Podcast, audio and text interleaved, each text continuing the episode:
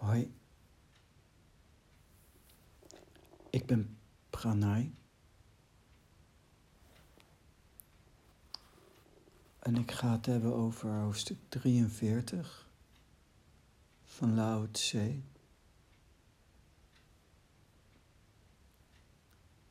En ik gebruik de vertaling van Christopher Schipper.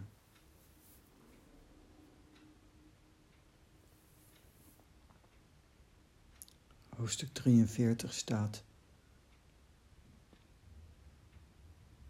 Het allerzachtste ter wereld overwint het allerhardste. Wat leeg is,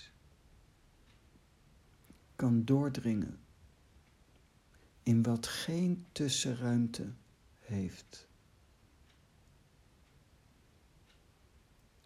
Hierdoor weet ik waarom het niets doen de voorkeur verdient.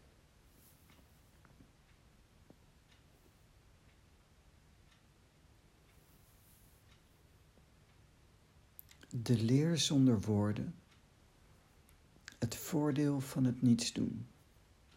In de hele wereld zijn er zeer weinigen die dit kunnen bereiken.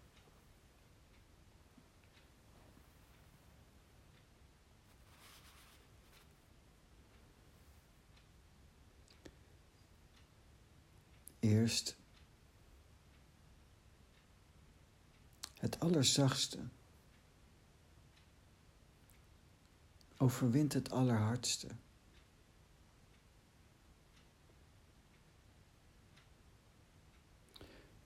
Je moet heel goed snappen dat je eigenlijk gaat van iets grofstoffelijks, onwaarheid, vanuit deze wereld bekeken het grof stoffelijke naar iets wat heel fijn stoffelijk is. Dus hoe dieper je naar binnen keert, hoe dieper je de waarheid wilt bereiken, des te fijnstoffelijker is het. Met grofstoffelijkheid kom je niet diep. Vandaar dat het allerzachtste, het allerhardste overwint. Wat het leeg is, kan doordringen in wat geen tussenruimte heeft. Dat fijnstoffelijke, dat hele fijne, is immanent overal in vertegenwoordigd. Het is zo fijn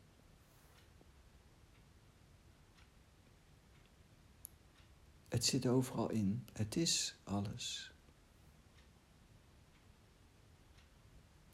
Het is zo fijn dat niet iedereen het meer ziet. Zo fijn is het. Niet iedereen ervaart het. Maar het is er wel.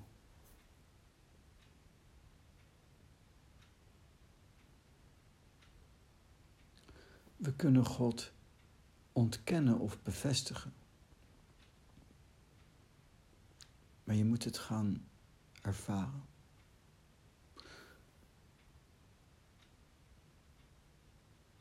Prana is immanent overal in vertegenwoordigd.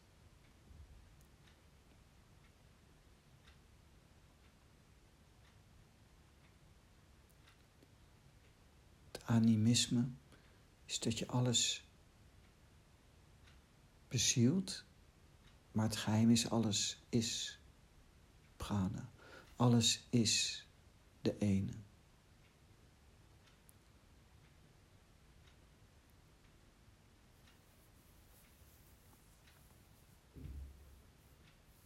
En hoe kom je dan van die grofstoffelijkheid naar die fijnstoffelijkheid? In de taal, door het niets doen. Hierdoor weet ik waarom het niets doen de voorkeur verdient. Klein worden. Niet iets doen. Ontspannen. Zoals Osho eens een discours heeft gegeven. Die ze getiteld hebben Relaxation. A way of loving yourself. Het is een kunst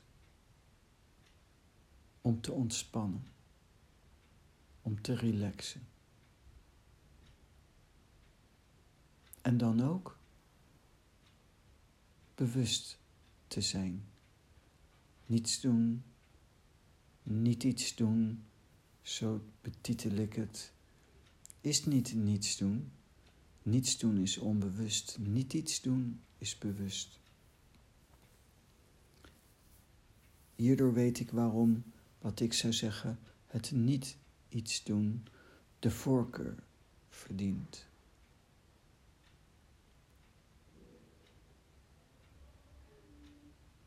En als je werkelijk in dat niet iets doen komt, bewust, met aandacht,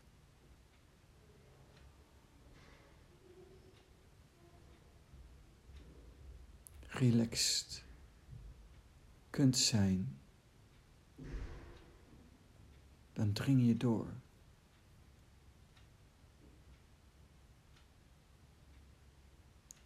Uiteindelijk tot in de wezenlijke kern, de waarheid, de taal, God, de ene.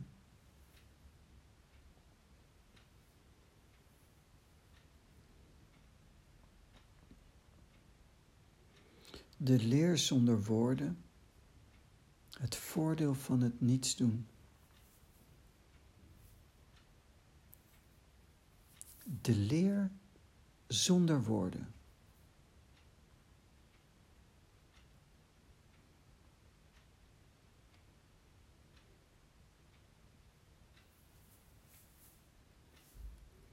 Hoezo zijn er eigenlijk weinigen die dit kunnen bereiken?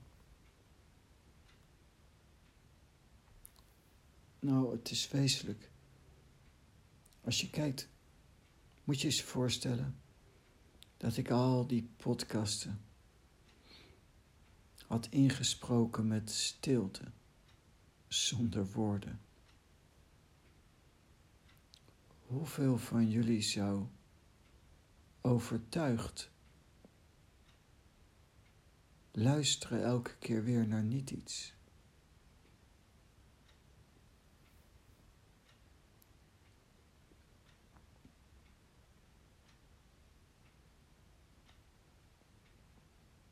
De leer zonder woorden. Al jaren, jarenlang coach ik mensen, geef ik meditaties, lezingen. En zo oneindig veel hebben mensen gevraagd naar een structuur, een houvast. Iets waar je wat aan hebt, noemen ze dat.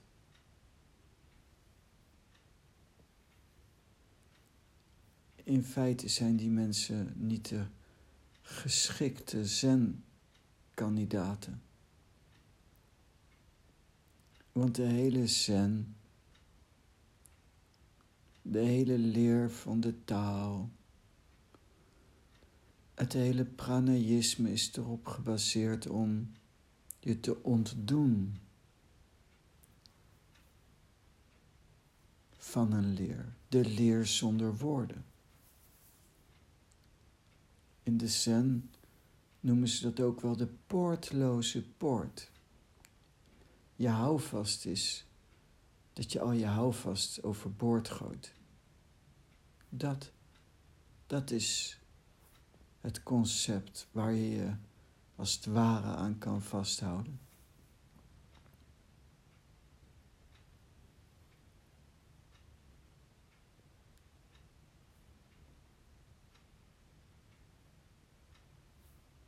En die is lastig. Dat is voor veel mensen moeilijk. Om juist je houvast kwijt te raken. Je zoekt geen houvast. Je zoekt chaos.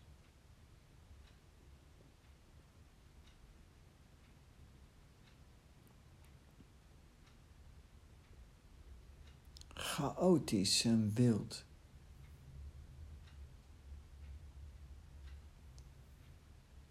Vooral chaotisch. Chaotisch. In plaats van houvast.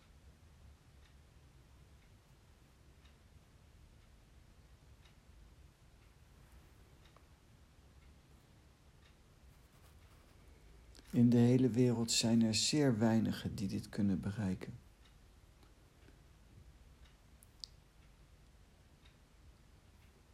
Daar zou ik alleen nog aan kunnen toevoegen. In de hele wereld zijn er zeer, zeer weinigen die dit kunnen bereiken. Ik zou zelf misschien twee keer zeer benoemen of zeer onderstrepen.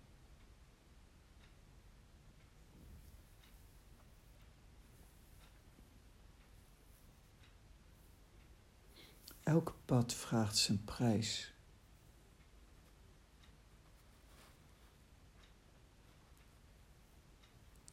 je laat je in met iets en dat heeft een dharma. Het heeft als het ware een karakter. En het is heel essentieel dat als je echt diep wil komen, dat je je ook houdt aan dat specifieke dharma waarvoor je dan kiest.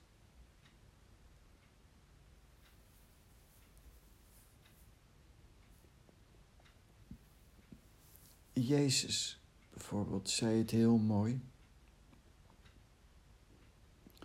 Die zei iemand die van mij houdt en zich houdt aan mijn geboden. In die zal ik en de Vader komen wonen. Dat is waar. Als je de leer zonder woorden, het voordeel van het niet iets doen, wilt doen, moet je je ook houden aan de geboden van het niet iets doen, als het ware. En dat is dus niet zoeken naar houvast. Niet zoeken naar een geraamte waar je op kan bouwen. Dat geraamte is juist loslaten. In feite zoeken naar de chaos, het duistere, het niet iets. Maar niet naar iets, niet naar een leer. Niet naar zekerheid, veiligheid, geborgenheid.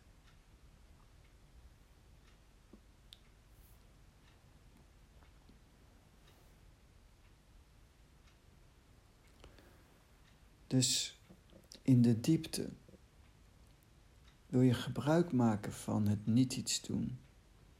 Wat dan in hoofdstuk 43 staat niets doen. Als je dat echt ook in jezelf wilt realiseren, dan moet je alles loslaten.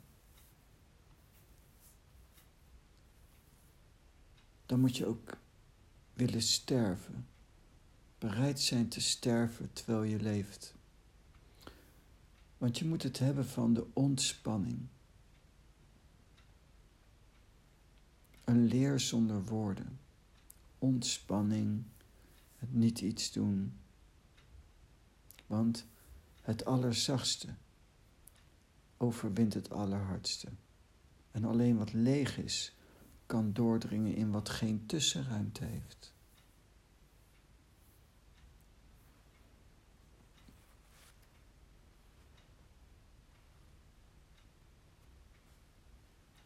Termen die in de taal vaak gebruikt worden zijn bijvoorbeeld de vergetelheid. In de vergetelheid zitten.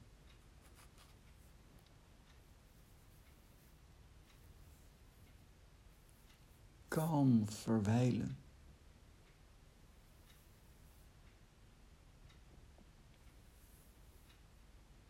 Ik noem het gewoon zijn.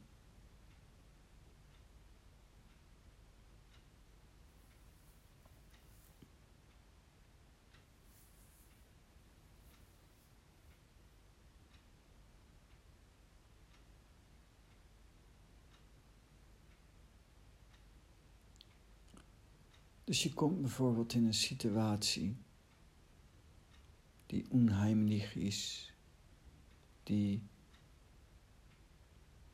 onzeker is.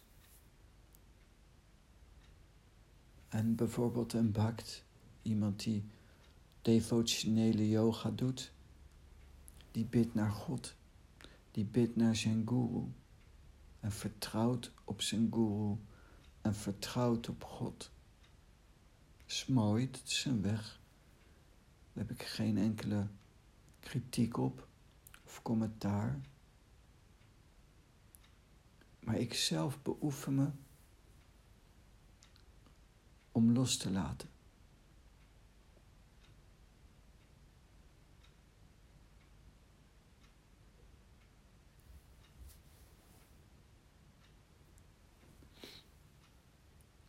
Bijvoorbeeld als ik. Uh, begin van corona, de coronacrisis. En nog steeds de financiële onzekerheid. Ik ben een zelfstandig ondernemer. Dan zoek ik eigenlijk niet de zekerheid. Ik ben bereid failliet te gaan. En als je echt bereid bent heb je ook geen stress. En dat is het juiste voor wat ik doe. Want het is dan in overeenstemming met de taal. Als ik dingen ervaar in mijn lichaam die niet helemaal uh, goed lijken te zijn. Dan ben ik niet iemand die naar een dokter rent. Ik probeer, ik beoefen me om bereid te zijn te sterven. In het reine te zijn met de vergankelijkheid van mijn lichaam, de vergankelijkheid van mijn persoon Mijn voorganger zei: Je kunt niet alleen door al die transformaties, de yogische transformaties, want je denkt minstens dat je doodgaat. En dat je minstens denkt dat je doodgaat, is een understatement. En daarom zul je als je alleen dat doet stoppen op de kritieke momenten. En wanneer? Weet je nu dat het zo is dat de tekenen zijn, doe rustig aan, of dat je juist door moet gaan? Dat weet je niet. Dat weet je nooit zeker. En dus elke keer moet je weer bereid zijn te sterven. Elke keer weer. Een yogi weet niet als hij een goede transformatie doormaakt. Of hij nu aan het sterven is of dat hij gewoon een transformatie doormaakt. En elke keer weer moet je daarmee dealen.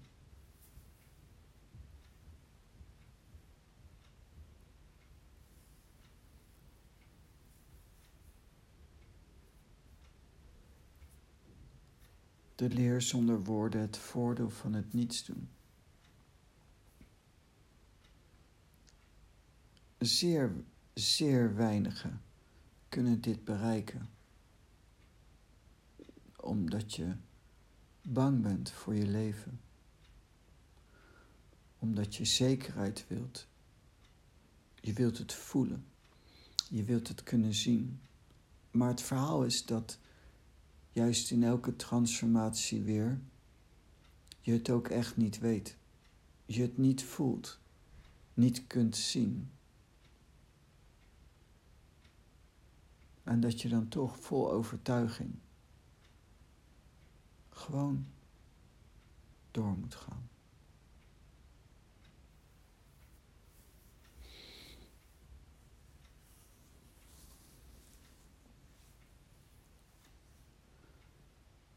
Terwijl je niet weet of het goed gaat aflopen, ja of nee.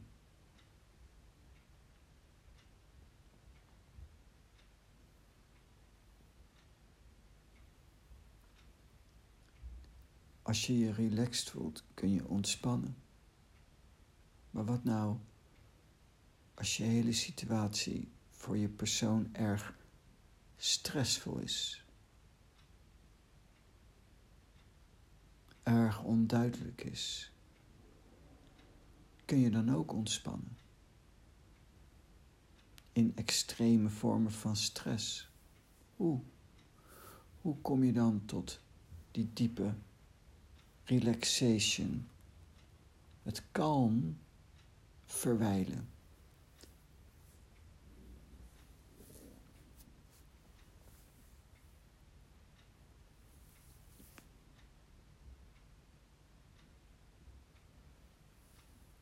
Ikzelf ben van mening dat je niet kunt beginnen met versterven. Ik denk dat je eerst je persoon een beetje in balans moet krijgen. Je wonden helen, zodat je ook zelfrespect hebt. Jezelf onder controle krijgt, je persoon onder controle krijgt. Van jezelf houdt. Dan, alleen dan kun je in contact zijn komen met prana of Gods geest. In de Astanga Yoga is de hele pranayama gebaseerd om iemand in contact te brengen, te laten zijn met prana. Badend in prana. Extatisch in prana keert alles om. Als tegenspoed op je deur klopt ervaar je in de grofstoffelijkheid tegenspoed, in de fijnstoffelijkheid extra aandacht van het goddelijke,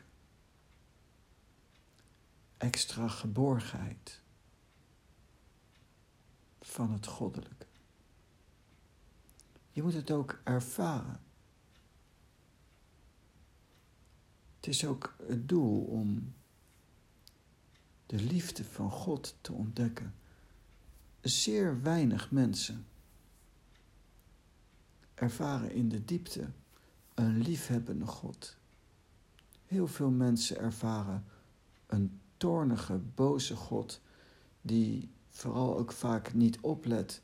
En daarom moet je heel veel gebeden doen, zo van, God, hallo, ik ben hier, en ik zit in de problemen. En als jij zou opletten, zou ik niet in de problemen zitten. En als je niet zo boos zou zijn, zou ik niet in de problemen zitten. En, en, en.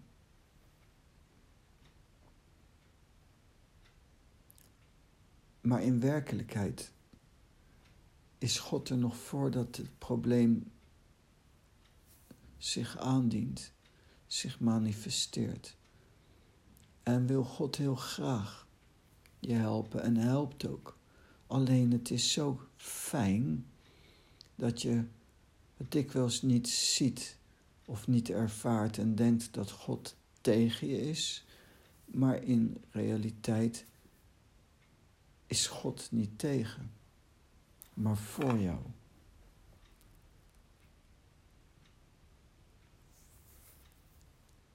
En het is een kunst om dat te gaan ervaren. In een vertrouwensvolle situatie. Vertrouwen op het lot. Vertrouwen erop dat het goed is en als het in het uiterlijk niet goed is, dat dat goed is.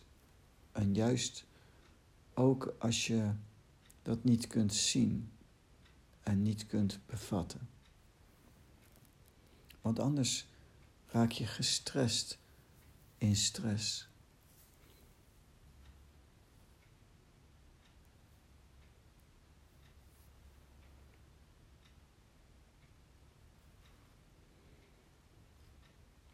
Prijs van pranay sen, sen de taal, is dat het op het begin lijkt alsof je er alleen voor staat. Maar moet je eens bij stilstaan. Het idee van alleen zijn kan alleen plaatsvinden, kan er alleen zijn als je jezelf beschouwt als een persoon en een individu, waarmee je je automatisch afscheidt van de rest. En door die afscheiding kun je je alleen voelen. In realiteit zijn we niet een afgescheiden individualiteit. We zijn veel meer dan dat. In de fijnstoffelijkheid ga je dat ook ervaren. Eerst, aan het begin van mijn leertijd, kwam mijn innerlijke wereld tot leven. Ik ging de prana ervaren, eerst in mijn lichaam. Spontaan door te oefenen en verder te gaan met oefenen, bemerkte ik op een gegeven moment dat die energie buiten mijn lichaam zich ook manifesteerde en verder ging dus. En dat ging naarmate ik verder kwam in de leer, meer in gemeenschap kwam met God, bemerkte ik ook dat die energie steeds wijdser werd. Steeds verder ook voorbij mijn persoon. En steeds wijdser is ook gelijk aan steeds dichter bij het middelpunt komen intern. Dus één. En dan bereik je op een gegeven moment een punt dat je beseft dat je niet een individu bent. En het moment dat je weet dat je niet je persoon bent, voel je ook niet afgescheiden. Nadruk leggen op je persoon geeft een gevoel van afgescheiden zijn, direct ook.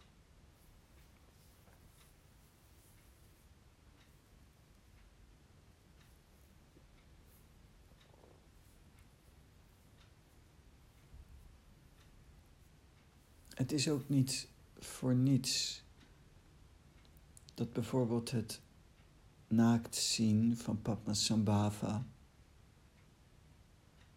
die eigenlijk het heeft over gewoon de ziener, het zien, zoals ook Huinenge Sem patriarch het heeft over de geest, is intrinsiek zuiver. Het is niet voor niets dat dat naakt zien een introductie is tot het boek van sterven, Tibetaanse dodenboek. In wezenlijkheid, als je het vanuit de ziener wil beschouwen, ga je eigenlijk ook een stervensproces in, dat is één. En eigenlijk is niemand bezig met sterven, maar met leven. Hoewel vanuit mijn standpunt bekeken is dat niet altijd zo ervaar bij iedereen. Heel veel mensen zijn te bang om te leven.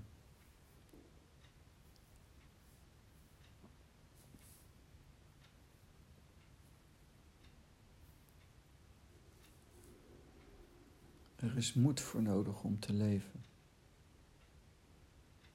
Als je echt vol kunt leven, dan kun je ook sterven. Is één. Leven en sterven is eigenlijk geen verschil. Er is enorme moed voor nodig om vol te leven.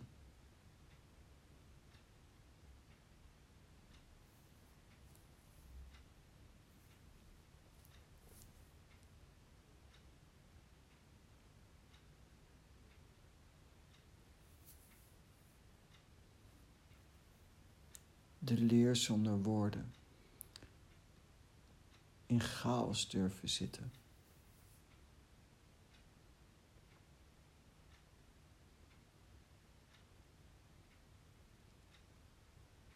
Kalm verwijlen, gewoon kijken, ook als er onrust is. En zodra je die afstand hebt, word je rustig.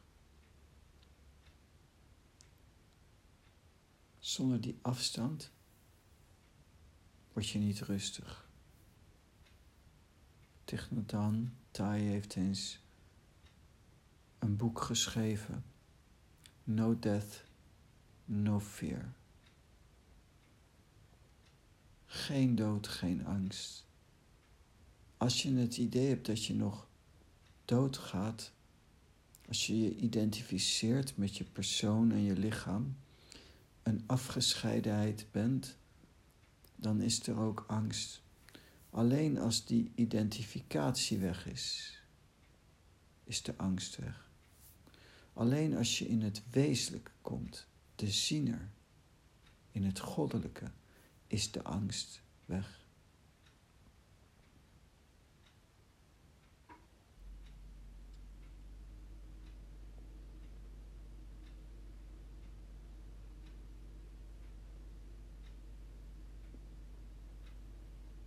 En dus voor het niet iets doen.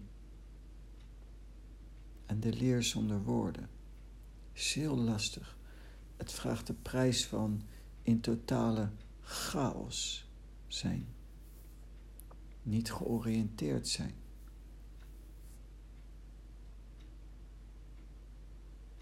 En onder alle omstandigheden gewoon kunnen relaxen.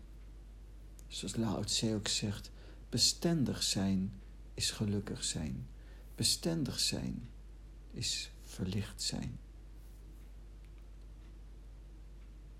Maar je wordt niet bestendig door als je erin zit. Je wordt alleen bestendig als je voorbij je persoon bij de ziener komt.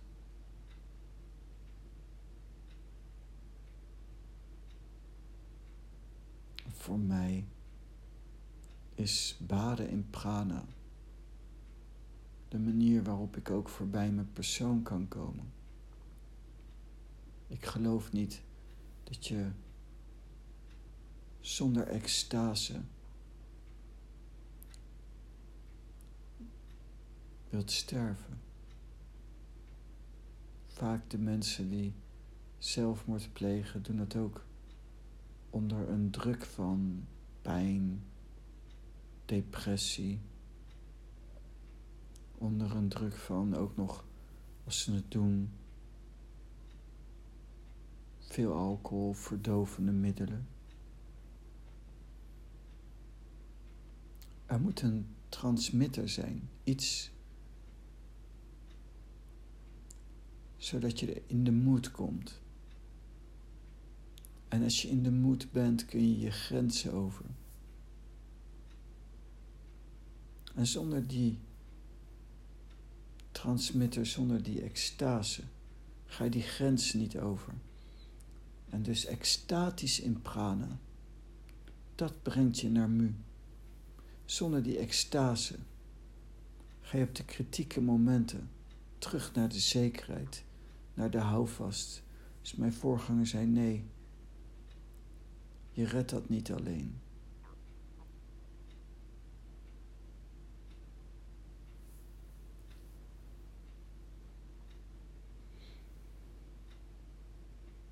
Baden in prana, eenmaal in contact met het goddelijke, kun je je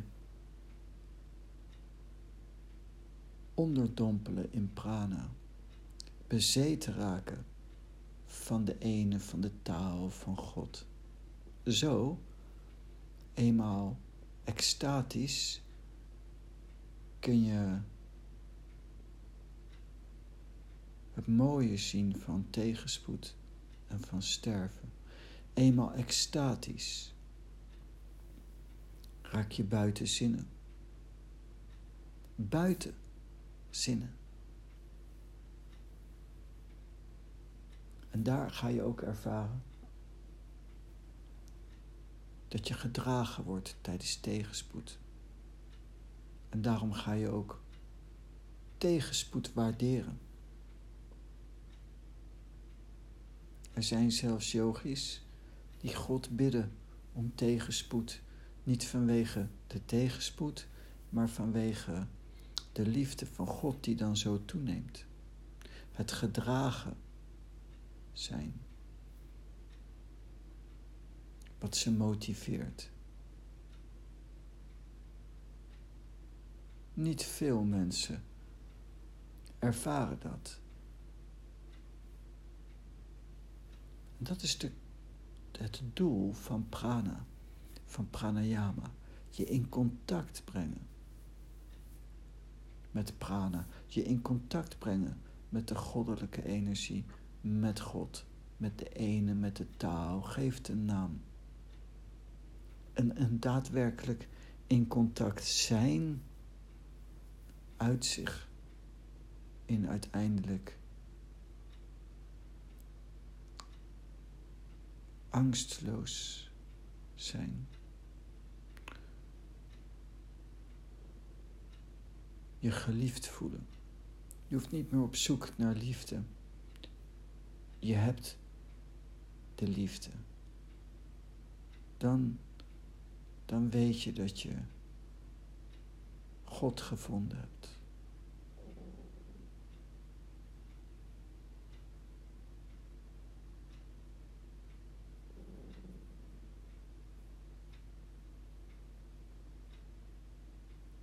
In de Bijbel staat ergens wel zalig. Degene die zijn vertroosting bij God zoekt. Dat zeer weinigen die dit kunnen bereiken, ik denk iedereen.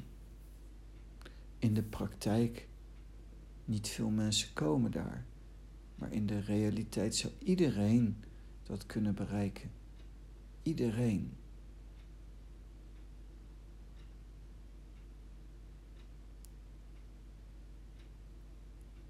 Maar niet veel mensen zoeken daar. Het geluk zit van binnen.